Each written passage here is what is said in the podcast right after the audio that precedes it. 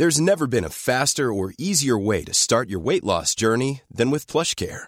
PlushCare accepts most insurance plans and gives you online access to board-certified physicians who can prescribe FDA-approved weight loss medications like Wigovi and Zepbound for those who qualify. Take charge of your health and speak with a board-certified physician about a weight loss plan that's right for you. Get started today at plushcare.com slash weight loss. That's plushcare.com slash weight loss. plushcare.com slash weight loss. I'm Sandra, and I'm just the professional your small business was looking for. But you didn't hire me because you didn't use LinkedIn jobs. LinkedIn has professionals you can't find anywhere else, including those who aren't actively looking for a new job but might be open to the perfect role, like me. In a given month, over 70% of LinkedIn users don't visit other leading job sites. So if you're not looking on LinkedIn, you'll miss out on great candidates like Sandra. Start hiring professionals like a professional. Post your free job on linkedin.com slash achieve today. Hej och välkommen tillbaka till Storytime.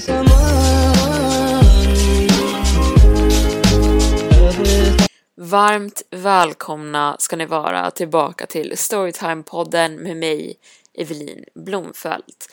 Där jag berättar skräckhistorier två gånger i veckan, onsdagar och söndagar, där poddar finns. Men nu så tycker jag att vi sätter igång med dagens avsnitt. Jag stannar uppe sent och gör mitt skolarbete de flesta nätterna. Jag är vad man skulle kunna kalla en nattuggla. Men jag tycker bara att jobba under dagen känns så annorlunda från att göra det under natten. Det känns som att det är mindre stress när man sitter på de sena timmarna och jobbar istället. Att snegla på den digitala klockan längst ner i hörnet på dataskärmen som sakta tickar ner mot morgonen är nog driv för vilken student som helst att vilja bli klar i tid. Den här natten var som vilken annan. Jag satt uppe sent och gjorde mitt arbete. Jag var hög på koffein och jag hade inte ätit särskilt mycket förutom en granolabar. Min inlämningsuppgift skulle vara inne om några timmar när det blev morgon. Jag satt nu och finslipade de sista detaljerna på uppgiften när jag kände ett plötsligt kurr i min mage, sen ett till. Jag var vrålhungrig nu. Jag kollade ut genom fönstret i rummet men solen hade inte börjat gå upp än. Det enda jag kunde se utanför var skenet från gatubelysningen. Jag kollade på klockan. 3.36. Halv fyra på morgonen.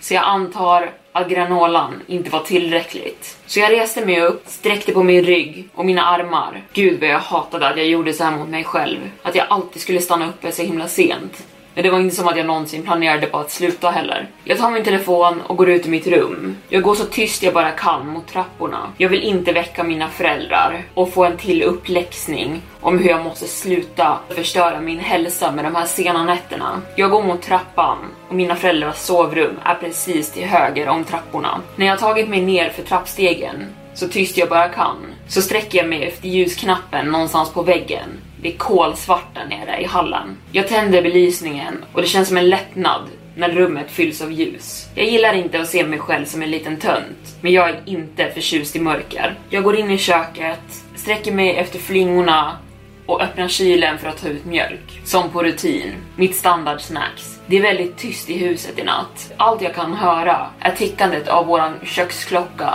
och surrandet av glödlamporna i taket. Pappa är ovanligt tyst i natt, mumlar jag för mig själv. Min pappa snarkar oftast väldigt högt. Så pass högt så att hela huset fylls av lätet. Men vissa nätter är han helt knäpptyst och sover fridfullt. Som just den här natten. Vissa nätter uppskattar jag tystnaden. Men just i natt så kändes det spökligt tyst. Det finns någon slags tröst i att höra hans snarkande och veta att man aldrig är ensam när man är uppe sent på nätterna. Klockan fortsätter ticka ljudligt. Jag kollar upp på klockan nu, men den är bara 3.38. Har det bara gått två minuter, tänker jag för mig själv. Jag antar att den är trasig. Minutvisaren verkar nästan stå och ticka på stället utan att röra sig. Jag får säga till pappa om det här på morgonen. Jag har aldrig varit ett fan av analoga klockor. Jag tycker de är högljudda och stressiga och speciellt på natten och de går lätt sönder. När jag är klar med mitt snack så sköljer jag snabbt av skålen och ställer den i diskstället. Vanligtvis brukar jag verkligen ta min tid när jag väl tar en paus från pluggandet. Jag brukar lägga mig på soffan och scrolla igenom min telefon så länge jag bara kan för att undvika att gå tillbaka till arbetet. Men vissa dagar känner jag mig mer ångestfylld, som jag gjorde just den här natten. Det var någonting med klockans tickande och surrandet från lamporna som bara gjorde mig nervös. Så jag bestämde mig för att gå upp till mitt rum igen. Jag sträcker mig efter min telefon som ligger på köksbordet. Sen lägger jag tillbaka mjölken i kylen och går ut i köket. Men när jag kommer ut i hallen och ska släcka lampan på nedervåningen så stannar jag upp med min hand precis över lysknappen. Jag känner hur mitt hjärta pumpar i min bröstkorg. Ni vet den känslan av att veta att man är iakttagen. Att det finns någonting där som inte går att se. Men du känner det, att vad det nu var bara stod och väntade på att jag skulle släcka lampan så att den kunde attackera mig. Eller vad det nu var den faktiskt ville. Idag var en sån dag. Jag kände det så starkt. Jag kanske inbillade mig allting, men kanske inte. Jag tog ett djupt andetag och tvingade mig själv att se mig bakåt. Men det var ingenting där. Hallen var totalt tom. Huset var tyst. Allt är som det ska. Allt står på sin plats. Jag andas sakta ut igen och sen släcker jag lampan och började gå upp för trapporna. Jag tittade på en Youtube-video på min mobil medan jag sakta gick upp. Mina nerver var fortfarande på helspänn, men det här fick mig att slappna av lite grann i alla fall. Ni vet den känslan man kan få ibland att man bara vill springa upp för trapporna för att det känns som någonting jagar en. Det här var exakt en sån dag jag kände att jag bara ville rusa upp. Jag byter nu till min Spotify-spellista istället för att lyssna på en låt och tänker att det här kanske lugnar ner mig. Låten hinner precis komma igång när det händer. Jag når just det trettonde trappsteget när jag hör det komma bakom mig. Tramp, tramp, tramp. Snabba fotsteg bakom mig i trappen. Allting blir svart i en sekund. Jag är livrädd tills jag förstår, jag måste springa nu. Och jag flyger upp för de två sista trappstegen, genom korridoren, in i mitt rum och smäller igen dörren. Jag känner hur kallsvetten rinner ner för min nacke, för min bröstkorg. Jag får svårt att andas och mitt hjärta bankar hårt i min bröstkorg. Jag håller mitt fokus på dörren medan jag greppar hårt om dörrhandtaget och håller fast det. Men nu kommer inte ett ljud. Det är spökligt tyst utanför dörren. Pappa snarkar inte. Inga bilar passerar. Det enda jag hör är klockan. Tick, tock, tick. Klockan. Jag vänder mig om. Ett brett, omänskligt leende stirrar på mig utanför fönsterrutan. Leendet är alldeles för brett, missformat, långa naglar drar längs fönsterrutan medan leendet blir ännu bredare. Ojämna tänder gnisslar mot varandra medan den börjar knacka med sina långa naglar på fönsterrutan och glaset spricker medan det låter tick, tick, tick. Nästa berättelse heter Har du någonsin hört talas om den viskande mannen? Min pappa brukade säga att våran stad var inte alltid på det här sättet. Staden jag föddes in i är hård och bitter. Död och förruttnelse går djupt in i markens rötter. Men han har berättat att när silvergruvan var rik och fylld så var den här staden en lycklig plats. Människor kom från långt bort och slog sig ner i den här staden för att börja ett nytt liv. Fler kom än lämnade på den tiden. Allt som finns kvar av de gamla bra dagarna är gamla fotografier i svartvitt. Den yngre generationen brukar säga att staden dog ut när silvergruvan slutade att leverera. Människor förlorade sina jobb och lämnade därför staden. Och det som blev kvar blev ett dystert skal av vad som brukade vara. Men den äldre generationen visste sanningen. Staden var fördömd på grund av den viskande mannen. Den första sången vi får lära oss i skolan heter Den viskande mannen och den går så här. Har du någonsin hört talas om den viskande mannen? Han viskar ditt namn i mörkret. Han ropar på dig en gång. Han ropar på dig två. Om han ropar på dig en tredje så får du betala priset. Så gå inte in i gruvan på natten, för den viskande mannen kommer spela dig ett spratt. Om han får syn på dig så kommer han lära sig ditt namn. Då måste du akta dig för den viskande mannen om han säger ditt namn i det mörkaste mörker. Han kallar på dig en gång, han kallar på dig två. När han kallar på dig en tredje gång får du känna hans bett. Tycker ni inte att det här är ganska skumt? Att lära små barn en så här läskig låt. Att trots att alla små barn i min klass drömde mardrömmar på grund av just den här sången så var det inte en enda förälder som protesterade mot att sången lärdes ut. Ungefär som att göra oss extremt rädda för att gå in i gruvan var det enda sättet att hålla oss säkra. Men barn växer upp.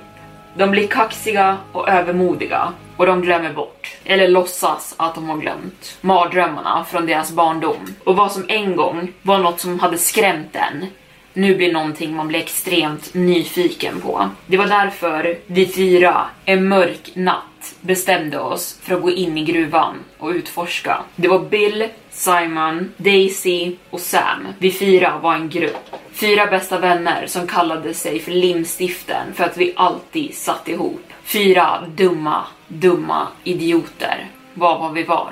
En skattjakt kallar vi det. Att gå in i gruvan och leta efter silver som hade blivit kvar, som skulle göra oss rika. Vi hade vatten, facklor och några granola bars och den falska tryggheten av odödlighet som man har när man är ung. Gruvan var mer vid än vad den var djup.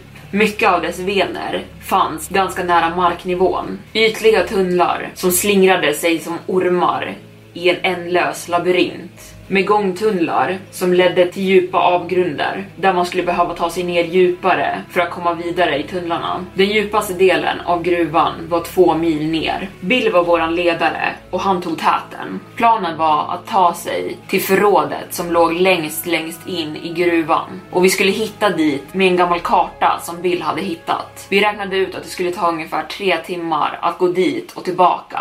Men om en tunnel skulle vara kollapsad så skulle vi direkt vända tillbaka och gå ut. 20 minuters promenad in i gruvan förändrade hela vårt humör. Från uppspelt äventyrslust till ångest och rädsla. Vi blev väldigt förvirrade inne i tunnlarna. Gruvan hade varit stängd i över 30 år, så vi blev förvånade när den inte alls såg ut som vi trodde att den skulle göra. Dåligt skött, med graffiti överallt och svår att ta sig igenom. Istället möttes vi av graffitifria väggar, inget skräp Inga använda sprutor, inga krossade glas, ingenting. Den såg fullt fungerande ut, som att den stod där, redo för att arbetarna skulle komma tillbaka när som helst för nästa skift. Hörni, jag gillar inte det här alls, utbrast Daisy. Jag vill gå tillbaka. Vad är fel? frågade Simon direkt. Någonting känns fel. Det är bara för rent, sa hon seriöst. Vill du vända tillbaka för att ett ställe är för rent? Skoffade Bill. Käften Bill, sa jag. Nu är du bara taskig. Det spelar ingen roll varför. Om hon vill gå tillbaka så borde vi göra det. Men vänd om då, sa Bill, nu upprörd. Men jag tänker inte vända om. Jag tänker fortsätta att leta, hitta silvret och bli rik. Ännu rikare nu när jag inte behöver dela mer mesar. Bill, sa Simon. Vi har bestämt att vi håller ihop. Du kommer tillbaka med oss, sa Simon. Envist korsade han sina armar och tittade på oss och sa Nej, jag vänder inte om. Vi behöver de där pengarna. Min mamma behöver de där pengarna. Och jag tänker inte vända om för någonting så dumt som en dålig känsla. Simon suckade och tittade på oss två andra. Jag vet att han agerar som en idiot, men vi kan inte heller lämna honom här. Daisy, är okej okay om vi bara går en liten bit till och sen vänder vi om? Daisy nickade tveksamt och jag sträckte mig över till henne och sa limstift och log. Hon kramade min hand och sa extra klibbigt. Förrådsrummet var ett större rum och våra facklor lyste upp det stora utrymmet som till våran besvikelse var ödsligt tomt. Det fanns inga lådor, inga verktyg, ingenting. Jag såg besvikelsen i Bills ansikte så fort vi gick in i rummet och jag gick fram och la en hand på hans axel. Hörru, vi kan komma tillbaka imorgon och kolla av ett annat område i gruvan. Det finns säkert någonting värt att hitta här. Han tittade på mig tacksamt. Tack Sam, det är bara det att det har varit så tufft sen pappa dog. Jag ville verkligen hitta silver så att mamma skulle kunna få lite pengar. Jag nickade förstående. Vi båda var en förälder kort, så jag visste hur han kände. Vi går tillbaka nu, sa jag. Jag börjar känna mig kall. Och Simon, gå bort från avgrunden din idiot. Simon stod på kanten till avgrunden och stirrade rakt ner, synligt förvirrad. Jag tror det är någonting där nere, sa han, medan ljuset från hans fackla knappt lyste upp ens en del av den mörka avgrunden. Det är inte roligt dude, sa Bill. Nej, alltså seriöst, kom och kolla. Så vi alla tre gick bort dit där Simon stod och kollade ner. Vi la till våra facklor till hans ljus, men knappt det gjorde någon skillnad i det kolsvarta mörkret. Weird, utbrast Daisy plötsligt. Plötsligt från avgrunden kom ett drag av kall vind som doftade som någon mineral medans skepnaden vi sett nere i mörkret rörde sig lite. Förskräckta slängde vi oss alla bakåt från avgrunden. Det var då det hände. Knappt en viskning, men tydligt hörbar från avgrunden. Nu hörde vi någon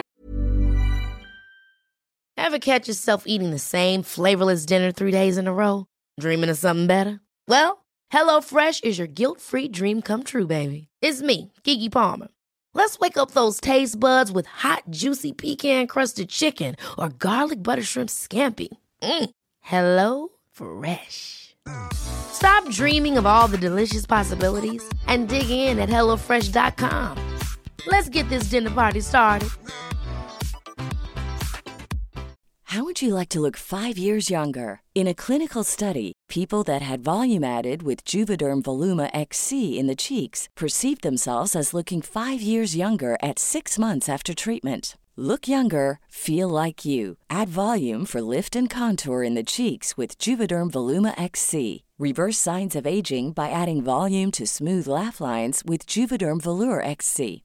For important safety information and to find a licensed specialist, visit juvederm.com. That's J U V E D E R M.com. Not for people with severe allergic reactions, allergies to lidocaine, or the proteins used in Juvederm. Common side effects include injection site redness, swelling, pain, tenderness, firmness, lumps, bumps, bruising, discoloration, or itching. There's a risk of unintentional injection into a blood vessel, which can cause vision abnormalities, blindness, stroke, temporary scabs, or scarring. Talk to a licensed specialist to find out if it's right for you.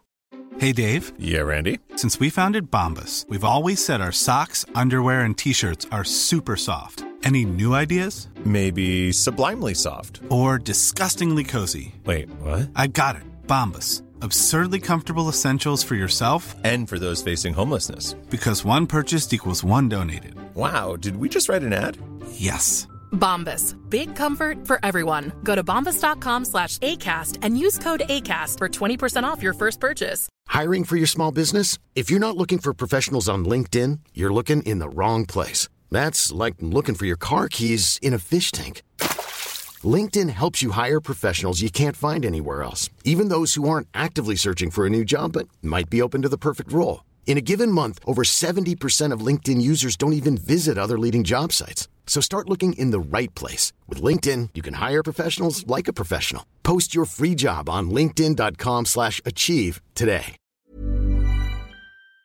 viska bakom oss. Bill, Simon, Daisy, Samantha. Skrikande i fasa slängde vi oss nu ut från kammaren där vi stått och började springa. Men i sin hast så snubblade Simon. Han föll hårt på marken och hans facklar rullade iväg från honom där han låg på marken. Han hann bara ligga där i någon sekund innan vi alla lyfte upp honom och drog han på fötter. Men under den här sekunden så hörde vi rösten igen. Nu viskade den bara Simon. Vi slet tag i hans arm och drog med honom och började springa allt vad vi kunde. Men gruvans tunnlar var en labyrint och vi var tvungna att stanna upp för att kolla på kartan för att ens kunna hitta utgången. Simon och Daisy höll facklorna bakom oss för att lysa upp medan jag och Bill försökte tyda kartan. Men facklan lyste bara upp en liten bit framför oss, så det var alldeles för sent när vi nu hörde det igen, fast ovanifrån. Simon. När Simon hörde sitt namn så tittade han instinktivt upp. Han släppte ut ett skräckslaget skrik när han såg hur en mörk skugga som såg ut att bara bestå av rader med flera, flera tänder nu sträckte sig ner från taket och greppade tag i hela hans ansikte som nu fylldes av en svart dimma. Bill, Daisy och jag stod i chock och bara åskådade vad som just nu hände utan att förstå. Det var Daisys iskalla, fasansfulla skrik hon släppte ut som fick oss alla ur våran trans. Jag greppade tag om hennes arm där hon stod bredvid Simon och drog i henne så hårt jag kunde. Sen började vi alla tre springa mot utgången, allt vad vi kunde. Jag ville bara stanna och gråta ut, men Bill vägrade stanna. Han grep tag i oss och tvingade oss att springa så långt från gruvan vi bara kunde. Han sa åt mig att ta mig hem medan han skulle följa Daisy hem. Säg åt de äldre att vi såg den viskande mannen. De kommer veta vad vi ska göra, sa han medan han försökte hålla inne sina tårar. Vilket är exakt vad jag gjorde. Så fort jag kom hem väckte jag min pappa och berättade vad vi just hade upplevt. Men min pappa sa inte ett ord. Han bara omfamnade mig, kramade mig hårt medan jag kunde känna hans blöta tårar på min kind. Vi packade våra ägodelar samma natt och sen åkte vi. Vi sa ingenting till varken Bill, Daisy eller Simons stackars familj. Det var den första gången jag någonsin hade lämnat våran stad. Min pappa satt över tusen mil mellan oss och staden och vi flyttade till staden som aldrig sover, där det konstant pågår saker, där det konstant försiggår ljud och ljus överallt. Och det var så han skulle skydda mig från den viskande mannen nu. I många år så fungerade det här och jag började till och med älska den här staden. Men sen kom stormen. Stormen kom i full kraft och rev ner elledningar, vilket ledde till det största och första strömavbrottet i den här staden någonsin. Staden föll i en mörker och en tystnad. Jag vaknade i min säng den natten och jag visste att någonting var fel. Jag kände en isande kyla längst ner i min själ. Jag rörde inte en muskel. Jag slöt mina ögon och tänkte att det här kanske skulle hjälpa. Jag tänkte att om jag inte såg den nu formande mörka skepnaden i hörnet av rummet så kanske inte den skulle se mig heller. Men jag kunde känna den, hur den kom närmare, hur doften av mineraler spred sig i rummet och sen dens iskalla andetag på mitt ansikte. Sen kom det, den mjukaste möjliga viskningen. Så mjuk så att det nästan inte gick att avgöra att den var på riktigt. Viskade nu till mig, Samantha. Det var då jag började skrika. Jag skrek rakt ut. Min pappa var i rummet på några sekunder och om han såg något den natten så pratade han aldrig om det. Han drog mig upp ur sängen och tog mig till köket. Där tände han hundratals av levande ljus och satt på radion. I tryggheten av de levande ljusen och bruset från den gamla radion så fick jag smaka whisky för den första gången för att lugna mina nerver. Det brände på vägen ner i min strupe men det tog också bort en del av kylan jag känt i min kropp. Det där var andra gången han viskade till mig, sa jag tyst till min pappa. Han nickade bara. Nåväl ungen min, vi får göra bättre från och med nu. Du får sova i mitt rum och vi måste alltid ha tända lampor och radion på hela natten. Pappa. Pappa, säg inte emot. Jag nickade bara, trots att jag visste att det skulle vara menlöst. Det kanske inte hände imorgon, eller i övermorgon, eller på flera år. Men någon gång skulle jag råka hamna i ett ljudlöst mörker, känna doften av mineraler och det sista jag någonsin skulle höra i mitt liv kommer att vara en viskning. Samantha. Nästa berättelse heter varför jag aldrig mer kan besöka Sydkorea. När jag var ungefär 25 år så bestämde jag mig för att resa ensam. Det här var min första resa utomlands utan något resesällskap överhuvudtaget. Ingen familj, inga vänner, ingen konstig grupp från kyrkan som min mamma hade arrangerat och framförallt ingen lögnaktig, otrogen pojkvän som lämnade mig för den där... Nej, vet ni vad? Jag mår bra. Jag bara behövde se någonting annorlunda. Folk tittar konstigt på en när man är en kvinna som reser ensam. De brukar alltid kolla runt om en.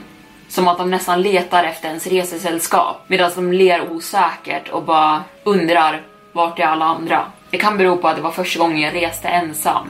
Men man lägger märke till allting som är utanför det ordinära. Jag reste till Seoul, som är huvudstaden i Sydkorea. Men eftersom att det är väldigt dyrt där så bestämde jag mig för att hitta ett boende strax utanför med en kort tågresa. Hyresvärden var en gammal kvinna som inte talade ett ord engelska och hennes barnbarn fick översätta det hon berättade för mig. Och jag fick en känsla av att han mer censurerade vad hon sa än att faktiskt översätta det ord för ord. Det var lugnt för mig. Jag antar att den äldre generationen inte var alldeles för vana med att ha turister i det här området. Det visade sig att den äldre damen var väldigt vidskeplig och gillade inte att jag inte hade en stor stark man vid sidan av för att skydda mig från dammråttorna under sängen. Hon vägrade släppa in mig i rummet där jag skulle bo förrän hon hade strött ut en blandning av något som såg ut som salt och en röd pepparmix längs fönsterkarmen och vid öppningen av dörren. Jag fick strikta instruktioner om att absolut inte bryta linjerna av salt vid fönstret och dörren förrän morgonen. Med ett ursäktande leende förklarade hennes barnbarn för mig att det här förmodligen skulle bli en kvällsritual och det var bara att vänja sig. Det här gick mig lite på nerverna, men jag var alldeles för jetlaggad för att börja bråka, så jag bara nickade åt dem och tackade. Den natten var jag död för omvärlden jag sov så djupt, men jag hade väldigt konstiga drömmar. Jag drömde om ett blekt ansikte med ett brett leende fullt av svarta tänder utanför mitt fönster och att någon stod utanför min dörr och sa månen är gul om och om igen. När det blev morgon och jag vaknade till liv så märkte jag att saltblandningen längs fönstret och vid dörren hade blivit svart. Jag blev direkt irriterad och sökte upp kvinnans barnbarn och sa åt honom att det inte var okej att någon gick in i mitt rum när jag sov. En vidskeplig gammal mormor var okej, men att någon smög sig in i rummet när jag sov, det var inte okej. Han svor att ingen hade varit i mitt rum medan jag sov. Vad den var sa jag åt dem att inte göra om det.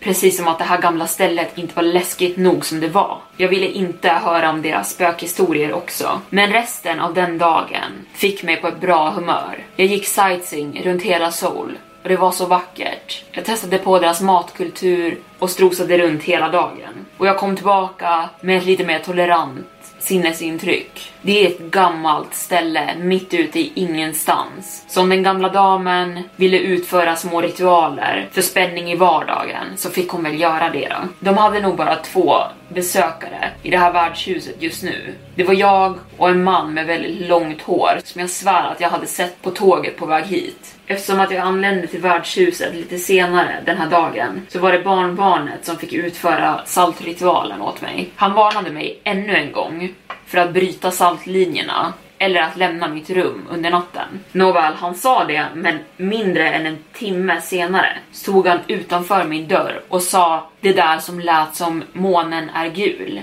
upprepande gånger. Till slut blev jag så irriterad så jag skrek ut Hörru, jag bryr mig inte om att månen är gul. Då stannade det upp i någon sekund tills det fortsatt med en mer aggressiv ton. Månen är gul. Rösten blev mer högljudd och mer aggressiv, desto mer den upprepade sig. Och jag var en sekund från att öppna dörren och börja skrika på honom när min telefon helt plötsligt vibrerade till. Det var barnbarnet som hade smsat mig och berättade att de hade arrangerat en annan frukost till mig morgonen därpå eftersom att den traditionella frukosten de hade erbjudit dagen före inte hade fallit mig i smaken. Jag bestämde mig för att ta honom på bar gärning och ringa upp numret han hade smsat mig ifrån och jag förväntade mig att höra ringsignalen från andra sidan dörren. Han svarade, men rösten utanför slutade inte och jag berättade om vad som hände och han sa vilken röst? Jag hör ingenting härifrån. Men vad som än händer miss, öppna absolut inte dörren. Och om någon ringer dig från det här numret från och med nu Svara inte. Det kan vara ett sätt för den att nå dig. Håll ut till morgonen miss. Farmor kommer veta vad vi ska göra. Jag ville tro att allt det här var något slags skämt. Att det var någon annan som stod med en röstinspelare bakom dörren som bara upprepade sig. Att när den äntligen slutade och jag hörde hasande fotsteg gå bort från min dörr och jag slappnade av en sekund och att jag inte hade sett en skepnad stå utanför mitt fönster och knacka på fönsterrutan medans den talade till mig på ett språk jag inte förstod genom persiennerna på tredje våningen. Knack, knack, knack. Jag ville inte tro på att medans det här hände så började min telefon ringa på det där sättet som den gör i filmer när den inte säger vilket nummer det är som ringer. Att jag inte blev så rädd så att jag för första gången på tre år var tvungen att stänga av min telefon bara för att slippa höra ljudet av ringandet. Klockan sju på morgonen så stormade den gamla farmorn och barnbarnet in i mitt rum. De hade använt sin extra nyckel eftersom att jag hade vägrat komma och öppna dörren för jag satt ihop tryckt i hörnet av rädsla. Hon gick direkt fram till fönstret och såg det svarta saltet. Hon såg i mitt ansiktsuttryck hur vettskrämd jag var. Jag tror hon skällde ut mig lite, men jag förstod inte vad hon sa. Hennes barnbarn översatt och berättade att ett spöke som hette Oelon Namaya hade fäst sig vid mig när jag hade gått runt vid marknaderna i Seoul, ensam och oskyddad, dagen före. Och de berättade att det det här spöket hade upprepat hade ingenting med att göra att månen var gul. Det var bara vad jag hade hört. Det var bara vad det lät som, på mitt språk. Den lokala prästen ringdes in för att hjälpa mig, men jag blev tillsagd att jag behövde lämna landet idag. Jag var alldeles för rädd för att starta min telefon igen, så jag bad barnbarnet att boka om mitt flyg hem och arrangera transporten till flygplatsen. Prästen insisterade på att föraren som skulle ta mig till flygplatsen skulle vara någon de kände och att bilrutorna skulle hållas stängda hela vägen dit. Medan jag satt i bilen hörde jag knackningarna på fönsterrutorna konstant och ett blekt ansikte som tittade in på mig som bara jag kunde se. Läpparna var separerade och blottade ett stort leende med kolsvarta tänder. Jag behövde inte förstå språket den talade i för att förstå vad den konstant upprepade till mig. Öppna fönstret, släpp in mig. Öppna fönstret, släpp in mig. Föraren var en familjevän så vitt jag förstod, hade på radion på högsta volym under hela färden. Han var uppenbart nervös och trots den höga volymen från radion så kunde jag höra det under allt oväsen. Knack, knack, knack. Det har gått år sedan det här hände och jag har rest till många ställen efter det här. Men Sydkorea är ett ställe jag aldrig mer kommer att besöka. Och med det stänger jag igen Storytime-boken för denna gång. Jag hoppas att ni har gillat dagens berättelser. Vill man komma i kontakt med mig angående podden så kan man skriva till mig på Instagram, där heter jag Evelines Makeup och Evelin Blomfelt. Jag kommer att skaffa en special mail till just podden där man kan skriva in egna berättelser och eh, önskemål angående ämnen och creepypasta man vill höra i framtiden. Men tills dess så kan man jättegärna skriva till mig på Instagram om man har några förslag eller om man har en egen berättelse man vill få med i podden så är det varmt välkommet att höra av sig.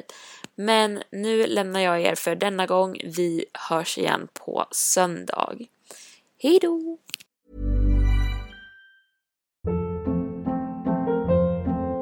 Hold up. What was that? Boring. No flavor. That was as bad as those leftovers you ate all week. Kiki Palmer here, and it's time to say hello to something fresh and guilt-free. Hello Fresh. Jazz up dinner with pecan-crusted chicken or garlic butter shrimp scampi. Now that's music to my mouth. Hello Fresh. Let's get this dinner party started. Discover all the delicious possibilities at hellofresh.com.